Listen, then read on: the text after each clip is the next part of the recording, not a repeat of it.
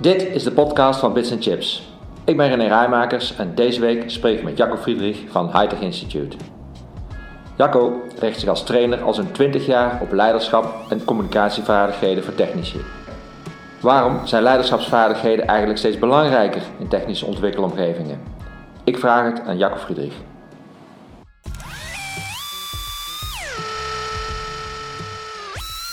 Jacco, welkom. Je ja, bent dankjewel. Jij bent vandaag uh, mijn gast en uh, we gaan praten over leiderschap voor technici. Uh, je hebt daar al heel wat jaren.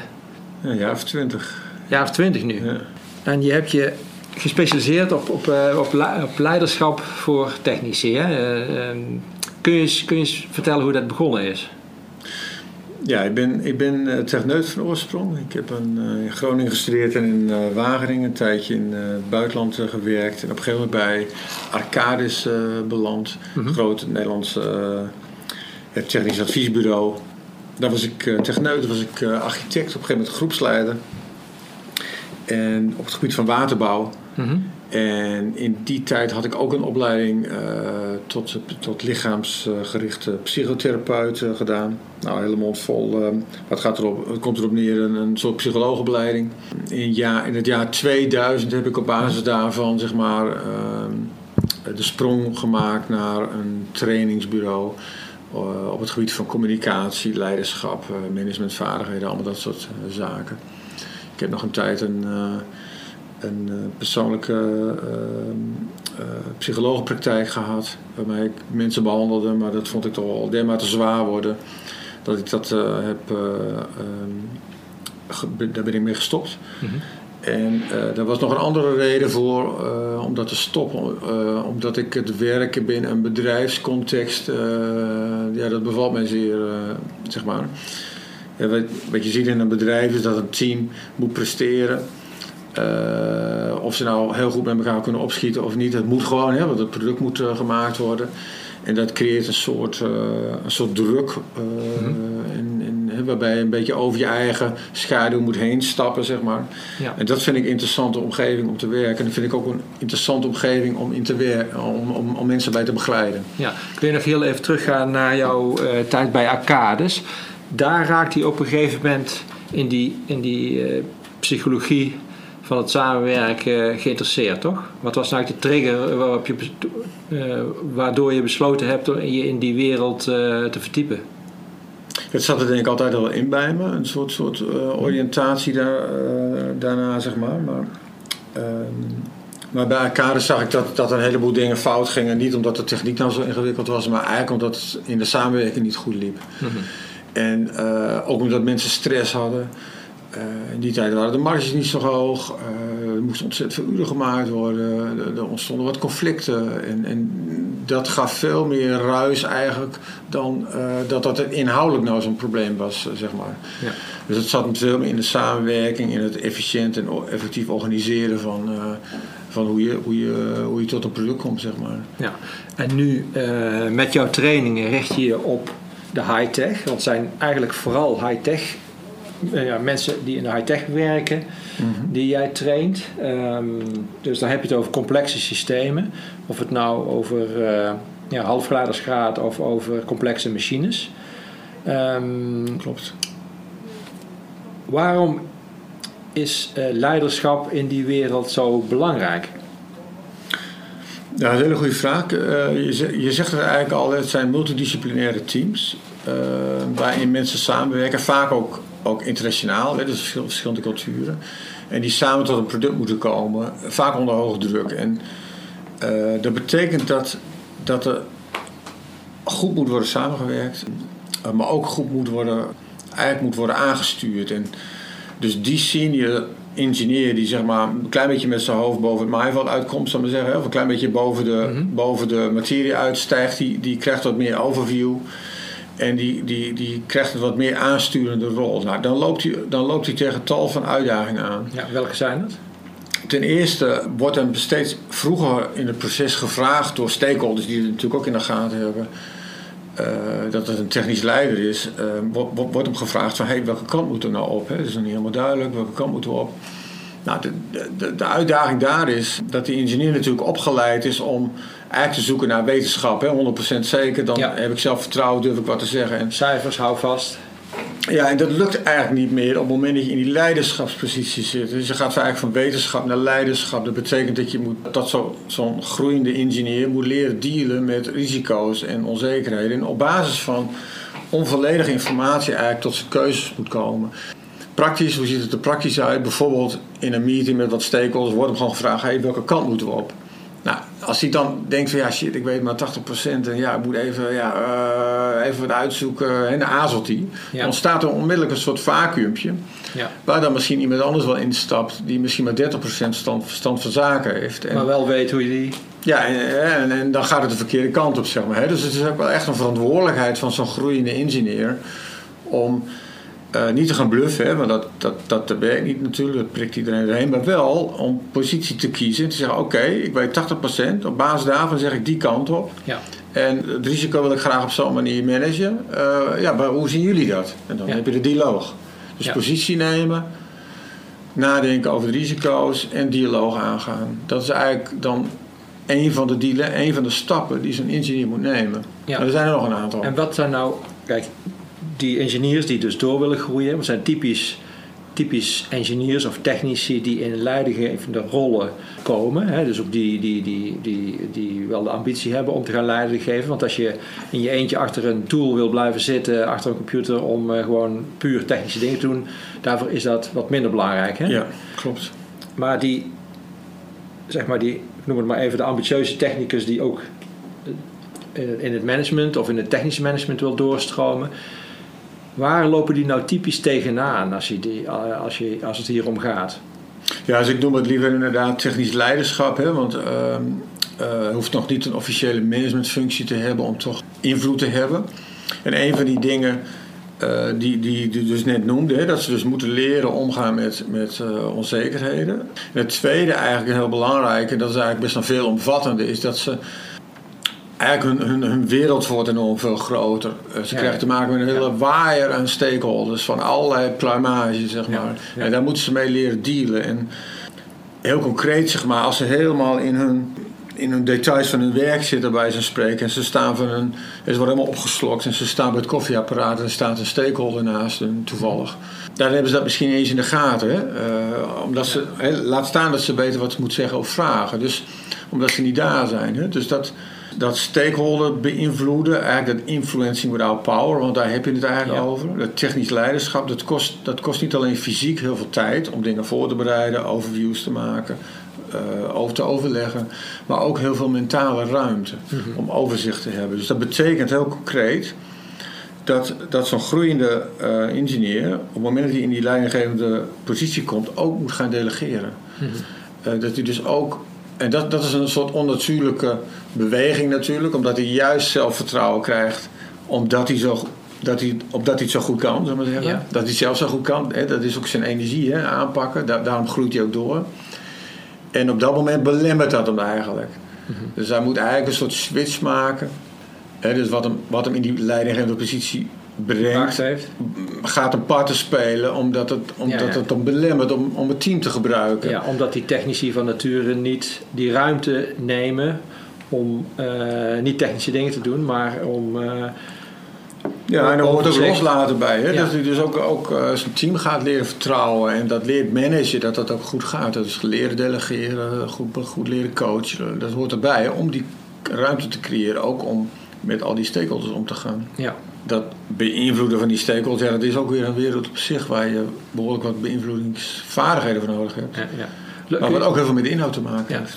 Kun je eens een paar voorbeelden geven van, eh, eh, ja, van, van eh, omstandigheden of van situaties die je in zo'n, in zo'n bedrijf nou heel vaak tegenkomt waar, waar mensen tegenaan komen lopen, waar ze moeite mee hebben? Bijvoorbeeld als het gaat om dat delegeren wat je noemt, maar ook als het gaat, ik zou me kunnen voorstellen dat eh, dit soort mensen, teamleiders, ook aan hun hogere management dingen, dingen moeten duidelijk maken. Zonder dat ze eh, de besliskracht hebben.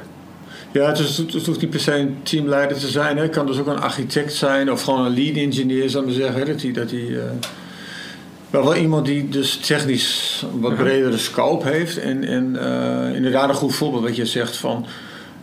eh, het is natuurlijk een typisch kritisch moment... dat, dat ze bijvoorbeeld iets moeten duidelijk maken Ja. aan, aan stakeholders. Van diverse pluimage.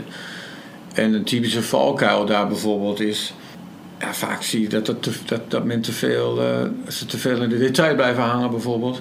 Maar ook dat, dat ze zich niet realiseren wie er nou eigenlijk aan tafel zit.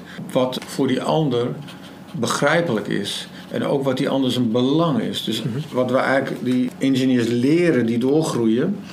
Om, om letterlijk te stappen in de, in de schoenen van die stakeholder. Want je moet, je moet die ander kunnen begrijpen. Wil je hem ook kunnen beïnvloeden. En ook met je verhaal daarop kunnen aansluiten. Ja. Ehm, En hoe kunnen ze dat dan eh, bereiken? Wie, hoe komen ze dan achter eh, wie er aan tafel zit en wat belangrijk is voor die mensen? Ja, dus, de- dus dat is dus ook een, een switch die ze moeten maken van ingenieur die in feite eh, ja, het probleem oplost, wat hem aangedragen wordt, naar problemen signaleren en dingen in gang brengen. Je wilt dat daar proactiviteit van uitstraalt als een technische leider, dat hij dingen signaleert. Het is vaak natuurlijk ook degene die iets als eerste signaleert. Ja. En, en misschien wel de meeste verstand van zaken heeft. eh, wat de techniek aangaat. Ja. Dus, dus hij zal, hij, zij zal daar een proactieve houding moeten ontwikkelen. En dus ook in staat moeten zijn om die stakeholders voor wie het van belang zal gaan zijn, of misschien al is, om die mee te nemen. Ja. Nou, die stakeholder zit er misschien niet op te wachten, die wil het misschien even niet weten. Of heeft dus, is er nog niet mee bezig. Dus, dus dat vraagt de overtuigingskracht van die technische leider. Ja. Nou, dat, moet, dat is te leren, eh, gelukkig. En dat, daar, daar helpen wij, daar trainen wij mensen in om dat te leren. En is dat makkelijk te leren? Of, Ja, dat is, dat is goed te leren. ja. Ja, als je de goede methode gebruikt en je weet wat je moet, waar, waar je op moet letten en je weet hoe je het moet aanpakken, dan is het goed te leren. Ja. Ja. Het is wel uitdagend en het is een proces over het algemeen. Kijk, wat, als je kijkt naar de programma's die we draaien, ik sta ervoor dat ze het na het programma kunnen, zeg maar. Hè. We Ja. oefenen het in die programma's zoveel dat ze het echt kunnen, dat ze zelfvertrouwen hebben, dat ze het kunnen, dat ze gemotiveerd zijn om het ook uit te voeren. Echter, om het een gewoonte te maken, om het een, helemaal, dat het van nature wordt, ja, dat kost gewoon een aantal maanden, drie, vier maanden. En, en we bouwen altijd wel tijd in om eh, mensen daarbij te helpen ook. En dan krijgen ze bijvoorbeeld een buddy het top of mind te houden. Ja, ja, ja, ja. Eh, dus, dus uiteindelijk ben je er wel even mee bezig om het, om het helemaal van natu- natuurlijk te, te laten worden, zou ik maar zeggen. ja. Je hebt waarschijnlijk ook eh, mensen buiten de technische wereld getraind.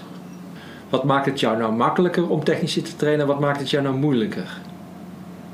Ja, dat is een beetje een gewetensvraag. Ik ben natuurlijk zelf technisch van achtergrond. En, maar je, zou best, je kunt best denk ik een stelling nemen dat, dat technische mensen over het algemeen redelijk bescheiden zijn, eerlijk zijn eh, en kritisch zijn.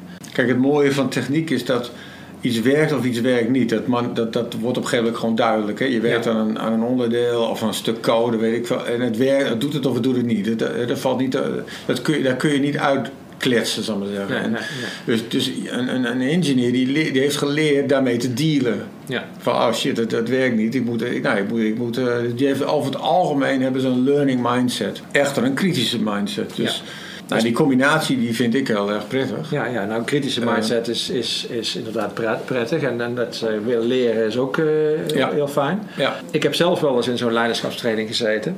En daar viel me op dat technici ook heel erg graag willen begrijpen hoe de methode die ze leren in elkaar steekt. Herken je dat? Ja, ja.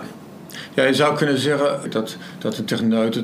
die zal niet snel in buzzwords trappen, ik maar zeggen. Hè? Of, of, Ja. of iets aannemen, zal ik maar zeggen. Die wil het ervaren, die wil het gewoon zien. Eh, die wil gewoon ervaren, zien aan, voor zijn neus. Oh ja, verdorie, dit werkt, weet je wel. Ik had niet verwacht, maar het werkt gewoon. Ja, oh, hoe zit dat nou eigenlijk? Kan, ik- kan ik het snappen? Ja. Dus die willen die, die, die, die, die- dat, dat inzicht willen ze koppelen aan de ervaring.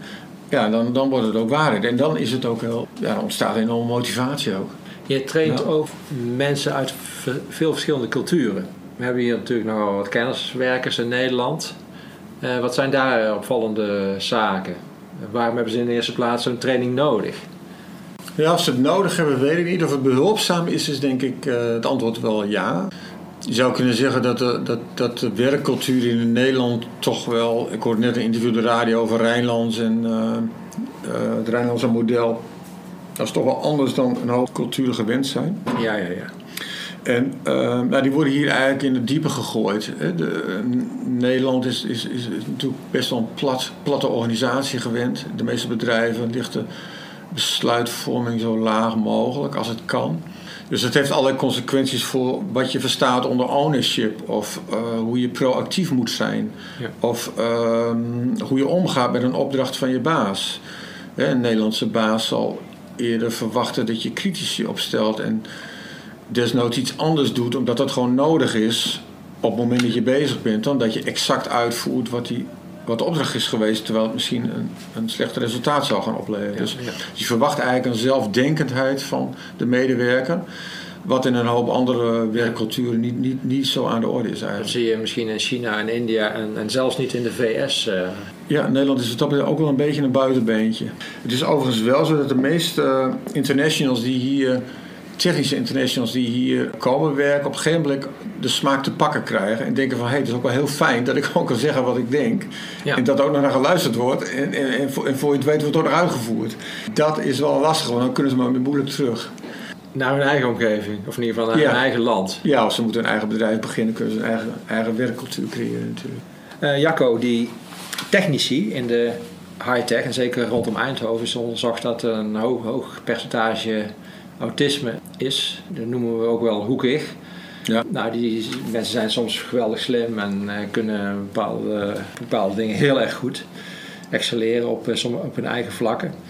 Nou, dat is een heel spectrum, maar wat, wat betekent dat uh, voor... Je, hebt, je hebt ook een training die zich daar specifiek op, op richt. Ja, we hebben een specialist uit België, Peter Vermeulen in de arm, die zich speciaal op die doelgroep richt, zeg maar. Hoe je daarmee omgaat en hoe, hoe hoe je, daar, hoe, hoe je er het beste uit kan halen, zeg maar. Uh, als je echt, maar dan heb je het een klein beetje over de echte gediagnosticeerde ja.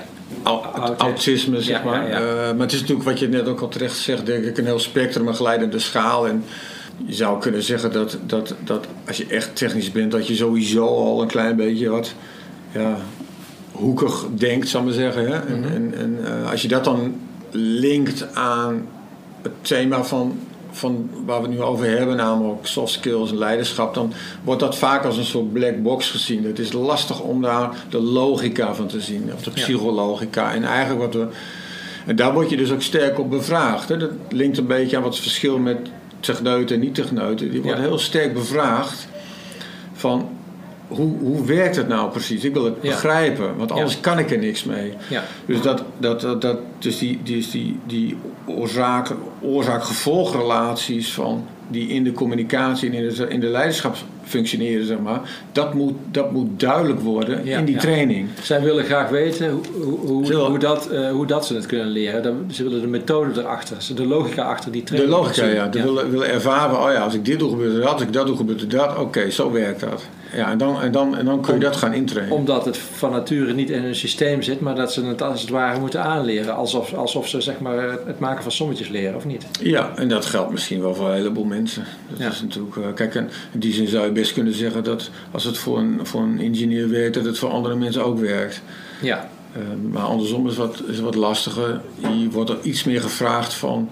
Je moet echt goed uit kunnen leggen. Ja. En je moet het goed kunnen laten ervaren. Ja, ja, dus je, dus je komt niet weg met, een, uh, met, met vage statements, zeg maar. Dat betekent dus dat als je een duidelijk verhaal hebt, wat uh, uh, bedoeld is voor technici, dat dat voor iedereen eigenlijk geldt. Ook voor niet-technici. Ja. Terwijl als je het omdraait, als je een, voor je, je verhaal op niet-technici afstemt, waarbij je misschien wat, uh, wat, de, wat geneigd bent om, om wat vager te zijn, dat zullen niet alle technici pakken. Nee. Customer journey of, of, of van die buzzwords, en denk, dan denk je toch als, als, als engineer, denk je toch, ja, waar, waar heeft hij nou over, weet je wel? Ja. ja. En, en bijvoorbeeld, ik zit er een voorbeeld te denken van bijvoorbeeld, hoe geef je nou een collega feedback die bijvoorbeeld stelselmatig te laat komt of zijn werk op een bepaalde manier doet? Wat denk je, denk, ja, dan kom ik door in de, in de problemen. Er is een basistechniek eigenlijk, hè? waarbij je doelstelling is: ik wil mijn boodschap over, overbrengen. Mhm. Namelijk dat hij, dat hij de volgende keer tijd is met zijn, met zijn werk. Maar je wil ook die relatie goed houden. Je wil ook dat je nog wel met elkaar door de deur kan. Ja. Dus, dat, dus hoe doe je dat? Nou, daar heb je een bepaald stappenplan voor. En dat moet je dus intrainen en ook laten ervaren. Goh, als ik, als ik als ik dit doe, dan gebeurt er dat en dan krijg ik ruzie. Of ik doe dat, ja, dan snapt hij het niet. Dat is niet duidelijk. Mhm. Dus ik moet dit doen en dat doen en dat doen en dat doen. En dan werkt het. Ja. Nou, als mensen dat ervaren, dan eh, is het ook overtuigend. Jacco, je bent eh, bij Hightech Institute eh, met Ger Schoeber begonnen aan een training SysAM, System Architecting Masters. En daarin leiden jullie technici gedurende zo'n acht tot negen maanden op om ze een eh, forse duw in de, in de rug te geven in hun carrière. Ja, het is eigenlijk meer een, een echt opleidingsprogramma, zeg maar. Eh, eh, we werken eraan om ook gecertificeerd te krijgen als post-HBO. Nou, Dat zal in de komende jaren plaatsvinden. Waarbij, waarbij de architectenopleiding, zeg maar, de technisch leider en opleiding, echt een enorme groeistap maakt, zeg maar, eh, in een periode van negen maanden.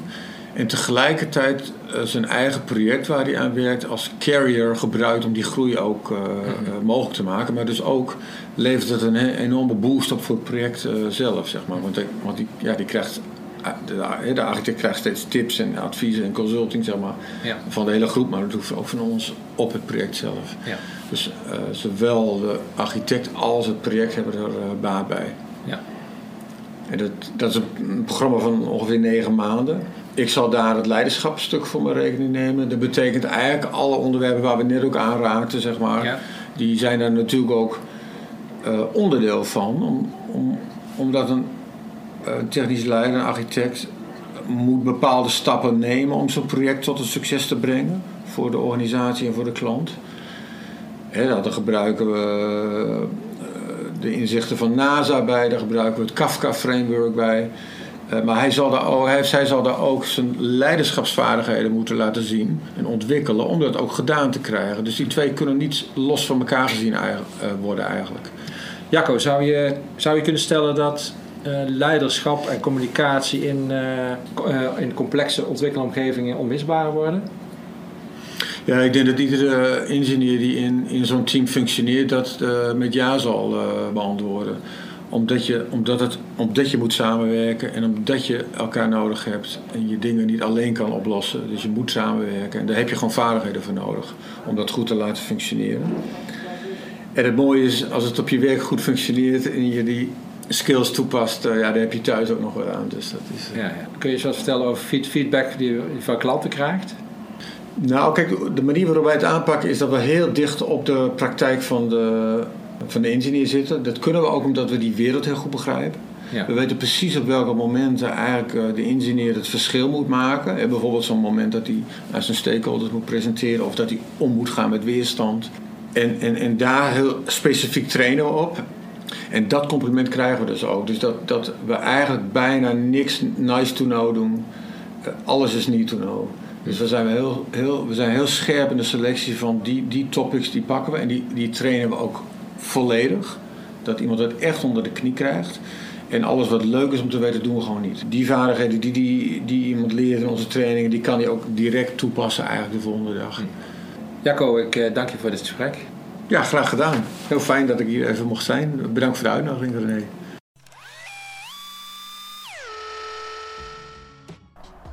Dit was de wekelijkse podcast van Bits Chips. Als u onze publicaties op prijs stelt, neem dan een lidmaatschap. Dat kan al voor 60 euro per jaar.